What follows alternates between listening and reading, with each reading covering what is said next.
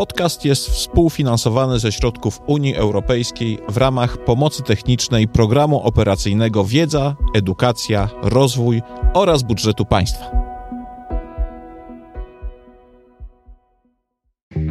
To jest audycja Rzeczpospolitej. O tym się mówi. Witam Państwa, Marcin Piasecki. Kolejna rozmowa z cyklu poświęconemu edukacji włączającej. Jest ze mną gość, pani profesor Agnieszka Olechowska z Akademii Pedagogiki Specjalnej. Dzień dobry, pani profesor. Dzień dobry panu. Pani profesor, będziemy e, rozmawiać o kwestii no, właściwie metody pracy w zróżnicowanej klasie, tego, jak, jak realizować właśnie naukę w takiej, nauczanie w takiej klasie, gdzie mamy dzieci e, z różnymi potrzebami e, edukacyjnymi. Jak to zrobić, pani? Szanowny panie redaktorze, szanowni państwo, no pewnie tyle przepisów na to, w jaki sposób pracować w zróżnicowanej klasie, ilu nauczycieli. Niemniej jednak pewnie nasza rozmowa dzisiejsza e, powinna być poświęcona temu modelowi, który mm, staramy się upowszechniać e, od dłuższego już czasu. W tej chwili częściej o tym mówimy, więcej działań jest podejmowanych. Niemniej jednak działania dotyczące edukacji włączającej to już dobre kilkanaście lat, a kilka ostatnich lat to już myślę także mm, obecność tego fenomenu, tego pojęcia edukacja włączająca w szerszej rzeczywistości edukacyjnej, w świadomości wielu nauczycieli, e, także oczywiście badaczy. Otóż e, edukacja włączająca może dlatego e, wzbudza też takie zainteresowanie z powodu samego pojęcia. E, jest to pewne pojęcie rozpoznawalne na całym świecie, w związku z tym w Polsce także je przyjęliśmy. Niemniej jednak może należałoby dokonać pewnej korekty, że mówimy tutaj tak naprawdę o edukacji dla wszystkich, o jak najlepszej edukacji dla wszystkich dzieci, zwłaszcza e, w szkołach tak zwanych ogólnodostępnych, dlatego że edukacja włączająca nie ma w żaden sposób wyrugować ani zastąpić edukacji specjalnej czy edukacji integracyjnej. E, są to równie cenne miejsca i możliwości edukacyjne dla dzieci, które tego potrzebują. Natomiast edukacja włączająca, czyli edukacja dla wszystkich, to ma być taki sposób zorganizowania środowiska edukacyjnego, materiałów edukacyjnych, sposobu prowadzenia zajęć, który umożliwia uczestnictwo właściwie właśnie zróżnicowanej grupie bez jakichś specjalnych dostosowań. E, I to jest pewne nowum, dlatego że do tej pory Także w zapisach y, rozporządzeń y, Ministerstwa Edukacji Narodowej, później Ministerstwa Edukacji i Nauki, y, mamy takie pojęcia dostosowanie organizacji pracy, metod do możliwości i potrzeb uczniów. Natomiast w tej chwili, mówiąc o edukacji włączającej, o edukacji dla wszystkich, bardziej myślimy o tworzeniu takiego środowiska, którego w ogóle nie trzeba będzie dostosowywać albo w jak najmniejszym stopniu. To znaczy takiego, które już od razu jest przygotowane do tego, żeby jak najwięcej dzieci, osób dorosłych, młodzieży znalazło tam swoje miejsce i mogło bez mm, barier e, uczyć się, poznawać świat, rozwijać. E, wymaga to oczywiście pewnej zmiany myślenia Niemniej jednak tutaj też może warto to byłoby podkreślić, ta zmiana nie może się zadziać od góry. To znaczy, nie można jej narzucić, nie można powiedzieć, słuchaj, słuchajcie, słuchajmy, e, od dzisiaj wszyscy realizujemy edukację włączającą. Nie, to jest proces, który się rodzi także od dołu, także wynika z potrzeb nauczycieli, rodziców, samych uczniów. Mm, widzimy bardzo dużo przykładów, zwłaszcza w ostatnich latach, także mm, ten czas pandemii przyspieszył taką wymianę informacji w środowisku e, internetowym, w środowisku cyfrowym, jak wielu jest nauczycieli, jak wiele jest placówek edukacyjnych różnych, które realizują tak naprawdę już od wielu e, czasami lat model tej edukacji, o której dzisiaj mówimy, e, i chcą go upowszechniać, chcą, żeby on się stał bardziej e, wykorzystywany, bo widzą w nim szansę dla siebie jako nauczycieli, dla rodziców na większe uczestnictwo w edukacji. Oczywiście wiemy o tym, że trzeba niektórych rodziców do tego zachęcać, a innym wyznaczać określone ramy współpracy. Niemniej jednak to są bardzo ważni partnerzy w procesie edukacji e, ich dzieci. No i w końcu sami uczniowie, zarówno młodsze dzieci, jak i starsze, mają możliwość większego wpływu na to, co się dzieje, dokonywania wyborów e, i organizowania dla siebie pracy e, i ponoszenia także odpowiedzialności. E, pewną nowością w edukacji włączającej jest być może to, co nazywa się także takim pojęciem przejętym z zachodniej literatury, e, czyli tak zwanym uniwersalnym projektowaniem dla edukacji, czy uniwersalnym projektowaniem w edukacji.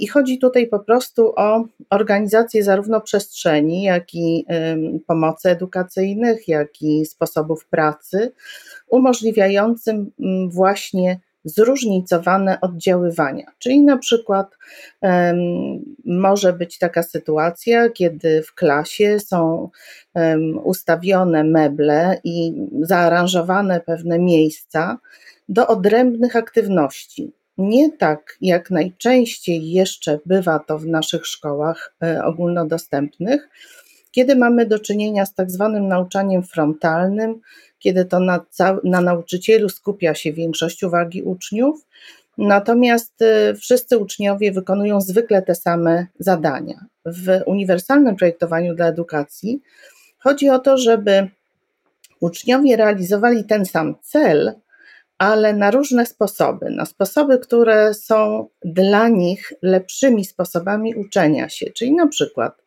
e, to samo zadanie realizujące ten sam cel z podstawy programowej, czy nawet z określonego programu nauczania, dzieci mogą wykonywać za pomocą na przykład wykonywania krzyżówki, rozwiązywania rebusów, układania historyjek obrazkowych w starszych klasach za pomocą pracy projektowej, grupowej, w parach, dyskusji, debaty oksfordzkiej.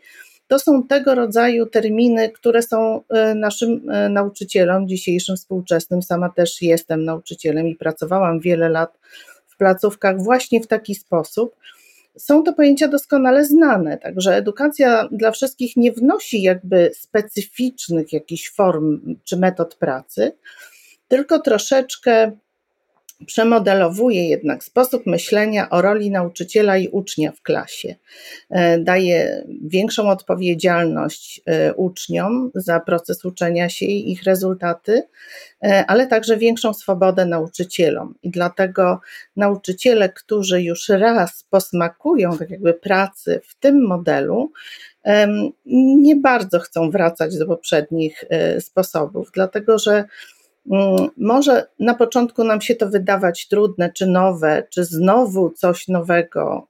Jesteśmy w ostatnich latach e, jako nauczyciele no, mm, doświadczani powiem, różnego rodzaju zmianami, i to może budzić w sposób naturalny pewne obawy nauczycieli. Natomiast e, prawda jest taka, że edukacja dla wszystkich i uniwersalne projektowanie w edukacji jest także bardzo dobre dla nauczyciela, dlatego że jeżeli na przykład e, uczniowie pracują wspólnie, pracują w grupach, w grupach zróżnicowanych, zróżnicowanych pod względem swoich kompetencji, to jedni drugim pomagają, jedni drugim tłumaczą, jedni dla drugich stanowią jakiś model e, zachowania czy rozwiązania określonego problemu, a nauczyciel ma wtedy trochę więcej czasu. Ma więcej czasu na to, żeby te swoje dzieci, czy uczniów, czy młodych ludzi poobserwować, żeby popatrzeć, w jaki sposób pracują, jak się komunikują, jak są aktywni, którzy są aktywni. E, praca w parach, na przykład, powoduje, że wszyscy uczniowie są aktywni, że każdy może brać udział w aktywnym sposobie rozwiązywania określonego problemu. Ważne jest także to, że w uniwersalnym projektowaniu w edukacji, czy edukacji dla wszystkich, wprowadzamy do klas nauczycieli, którzy nazywają się nauczycielami współorganizującymi czy współprowadzącymi. Taki co-teaching następuje. To oznacza, że wielu nauczycieli ma w trakcie prowadzenia zajęć edukacyjnych możliwość konsultacji na bieżąco, na przykład z nauczycielem specjalistą albo z innym nauczycielem, który wspólnie z nim rozwiązuje pewne problemy dziejące się tu i teraz w klasie.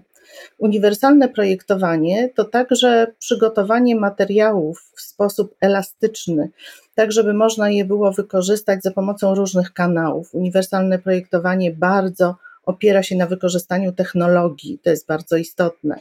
Technologii asystujących, pomagających uczniom słabosłyszącym i niesłyszącym, słabowidzącym i niewidomym, uczniom z zaburzeniami ruchowymi różnego rodzaju, e, niepełnosprawnościami, także niepełnosprawnościami intelektualnymi. I materiały edukacyjne to też materiały przygotowane troszeczkę inaczej niż e, te dzisiejsze, ponieważ umożliwiające właśnie wybór takiego kanału informacji albo takiego sposobu rozwiązywania zadania, który jest możliwy dla niektórych dzieci, e, a niemożliwe są inne. Na przykład dziecko, które nie widzi, nie będzie czytało tekstu. Natomiast zdecydowanie z dużym powodzeniem odsłucha sobie nagranie, prawda, przygotowane na przykład przez innego ucznia. Tego wszystkiego nie musi robić nauczyciel. Pani to są chciałem zapytać, jaki jest y, zasięg y, edukacji włączającej w tej chwili? Na ile to jest proces powszechny w polskich szkołach? E, to jest bardzo trudne pytanie, bo jeżeli zapytamy, ile jest szkół, które realizują edukację włączającą, to prawdopodobnie mogłoby to być nawet, no ja tak będę szacować na podstawie różnego rodzaju badań, ale wydaje mi się, że to jest co najmniej 70% y, szkół, 70% y, y, placówek, tylko tyle, że nie mają tego na sztandarze. To znaczy, to się po prostu dzieje, dlatego że nauczyciele w taki sposób próbują mm, modelować swoją pracę. E, niemniej jednak e, nie nazywają tego w ten sposób albo nie mm, legitymują tego w ten sposób. E, jednak druga e, rzecz, czy druga strona e, tej, tego medalu to jest taka, że myślę, że także wielu nauczycieli chciałoby zmienić swój sposób pracy z tych pozostałych osób, które jeszcze pracują w taki sposób bardziej tradycyjny, a wydaje mi się, że mogą napotykać też po prostu na różnego rodzaju bariery. Więc y, wydaje mi się, że takie upowszechnianie informacji, pokazywanie, że jest wiele miejsc, w których takie działania są realizowane, y, czy w debacie, która się odbyła, gościliśmy też y, przecież takich dyrektorów szkół, nauczycieli, uczniów z takich szkół. Więc takie miejsca są i fajnie, że można je pokazać, że, że jest nas więcej, żeby ośmielić jeszcze tych nauczycieli, którzy się wahają, tych dyrektorów, którzy jeszcze nie są do końca pewni, czy mm, to rzeczywiście jest dobry sposób i czy to się uda. E, wydaje mi się, że też e, trzeba powiedzieć, że wprowadzanie tego modelu, czy bardziej upowszechnianie go, tak, wyciąganie to na, na wierzch trochę, wymaga wsparcia, dlatego że szkoły w realizacji tych wszystkich ambitnych zadań potrzebują dodatkowego wsparcia, żeby poradzić sobie z różnego rodzaju barierami. I to też y, musi wybrzmieć, że, że tego rodzaju przestawienie y, kultury szkoły na ucznia, odejście od takiego fetyszyzowania czy uznawania za najważniejszą wartość ocen, procentów, przedziałów, punktów, poziomów, no to jednak wymaga też i decyzji legislacyjnych różnego rodzaju, związanych na przykład z uelastycznieniem podstawy programowej, e, ale także z tymi wieloma e, instrumentami, które będą wdrażane. Więc e, no jest to tak, jak za każdym razem mówimy, pewien proces. Znajdujemy się w pewnym miejscu. Ja myślę, że jest w Polsce wielu wspaniałych nauczycieli, dyrektorów, szkół, których dzieje się fantastyczna edukacja dla wszystkich. Niekoniecznie oni są zawsze na pierwszych stronach też e, gazet czy różnych podręczników. Widzimy to w internecie, jak wiele gremiów nauczycieli spotyka się wymieniając swoje doświadczenia, dzieląc się właśnie tymi wspaniałymi pomysłami, różnymi sposobami, które udało im się wypracować, więc tak, to się dzieje.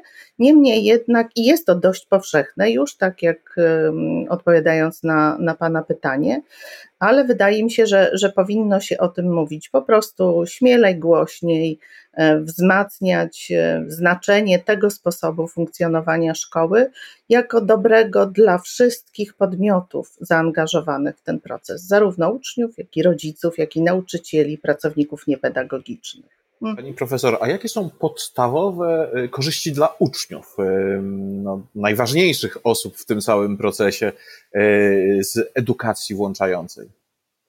E, korzyści dla uczniów. No, dla każdego prawdopodobnie będą to trochę inne korzyści. Właśnie na tym polega edukacja włączająca, że tutaj nie, nie rozmawiamy o wszystkich jako o jednej e, masie, tak? o jakby jednej całości. E, musimy pamiętać, że e, w edukacji dla wszystkich, no jeszcze jednak jest to grupa zróżnicowana. W związku z tym każdy będzie miał trochę inne e, korzyści. Niemniej jednak one będą sprowadzały się właściwie do tego, że po pierwsze, uczeń, który czuje się pełnoprawnym uczestnikiem swojego procesu, swojego kształcenia, jest uczniem, który się lepiej czuje w szkole, czuje się bezpieczniej, nie ma mm, tak wielkiego stresu, na przykład, że z czymś sobie nie poradzi albo że czemuś nie podoła, dlatego że odpowiednio dobrane materiały, odpowiednio zorganizowana przestrzeń, świadomy tego i jakby przyzwalający na taką różnorodność nauczyciel, e, rozumie, że mm, każdy może mieć lepsze i gorsze dni, może w czymś się lepiej czuć, w czymś gorzej. E, I w związku z tym nie ma tego lęku, nie ma tego wysokiego stresu, który charakteryzuje naszą współczesną edukację, takie przygotowywanie się od egzaminu do egzaminu. Właściwie jeszcze niewiele lat temu, już od najmłodszych lat, w postaci takich pierwszoteścików czy drugoteścików, e, Państwo nauczyciele będą wiedzieć, o czym mówię Czyli od pierwszej klasy dzieci były przygotowywane do takich całościowych sprawdzianów na koniec roku szkolnego. To nie było zbyt dobre e, i e, takie uczenie dzieci pod egzaminy, pod klucz, pod pewne sprawdziany uwiera nie tylko uczniów i powoduje u nich e, wyższy stres, ale także nauczycieli. To także budzi kontrowersje w sytuacji, kiedy w klasach pojawiają się uczniowie, którzy tak jak się to potocznie e, mówi, zaniżają, tak, biorąc to w cudzysłów, wyniki całej klasy. W związku z tym ten uczeń, który ma większe e, trudności z opanowaniem określonego rodzaju materiału, czy wykonywaniem określonego rodzaju zadań w taki sposób zaplanowanych, żeby wszyscy robili tak samo, będzie miał wtedy po prostu łatwiej, będzie mu się lepiej uczyć. To jest podstawowa korzyść dla ucznia w lęku, w stresie, w odczuciu opresji, e, dzieci nie działają dobrze. Myślę, że to też jest jeden z czynników, które mogą rzutować na dzisiejszą kondycję, także psychiczną e, dzieci i młodzieży. A zatem korzyść dla ucznia to przede wszystkim taka, że uczy się bez lęku, że uczy się z radością, uczy się na swoją własną miarę i mierząc swoje osiągnięcia w stosunku do siebie samego, bez porównywania z pozostałymi uczniami, ponieważ każdy jest mistrzem w swojej dziedzinie, w swoich granicach możliwości rozwojowych, poznawczych. E, druga korzyść dla ucznia to jest e, taka, że jeżeli będzie miał możliwość e, wykorzystania kanałów, kanałów informacji, które są dla niego bardziej dostępne, na przykład właśnie za pomocą technologii czy urządzeń asystujących, powiększalników, programów udźwiękawiających, różnego rodzaju urządzeń skanujących, komputera zwykłego czy klawiatury, to jest uczeń, który będzie chętniej sięgał po wiedzę, dlatego że jemu będzie w tym po prostu łatwiej. Dzięki temu bariery, które w tej chwili ograniczają dostęp dzieci do, do pewnego rodzaju zadań czy aktywności, E, okazują się nie istnieć. E, może warto, żebyśmy zwrócili uwagę, że takie rzeczy dzieją się w naszym otoczeniu codziennym. E, myślę, że wiele z Państwa, którzy nas będą słuchać, widziało na przykład na placach zabaw już takie specjalne huśtawki duże z platformą, na którą może wjechać wózek rehabilitacyjny.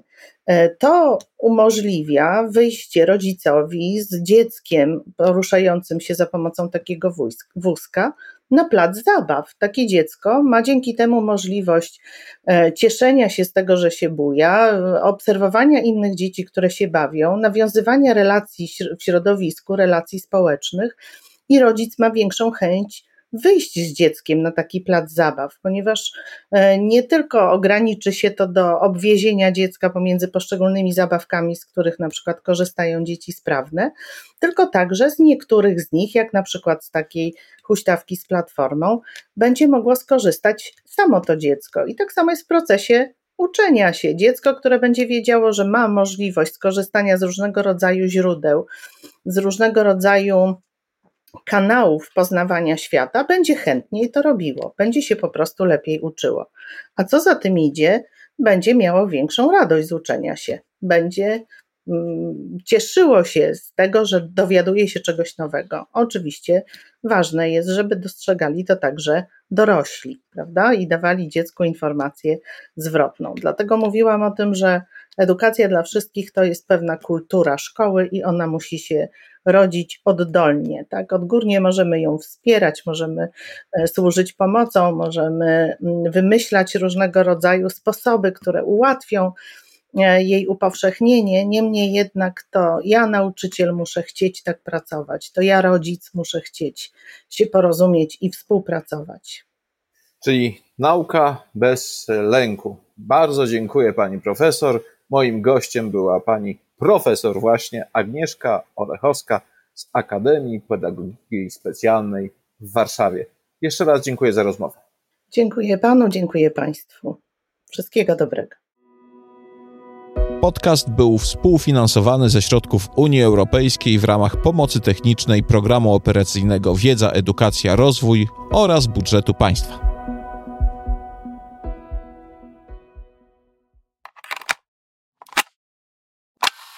Słuchaj więcej na stronie podcasty.rp.pl. Szukaj Rzeczpospolita Audycje w serwisach streamingowych.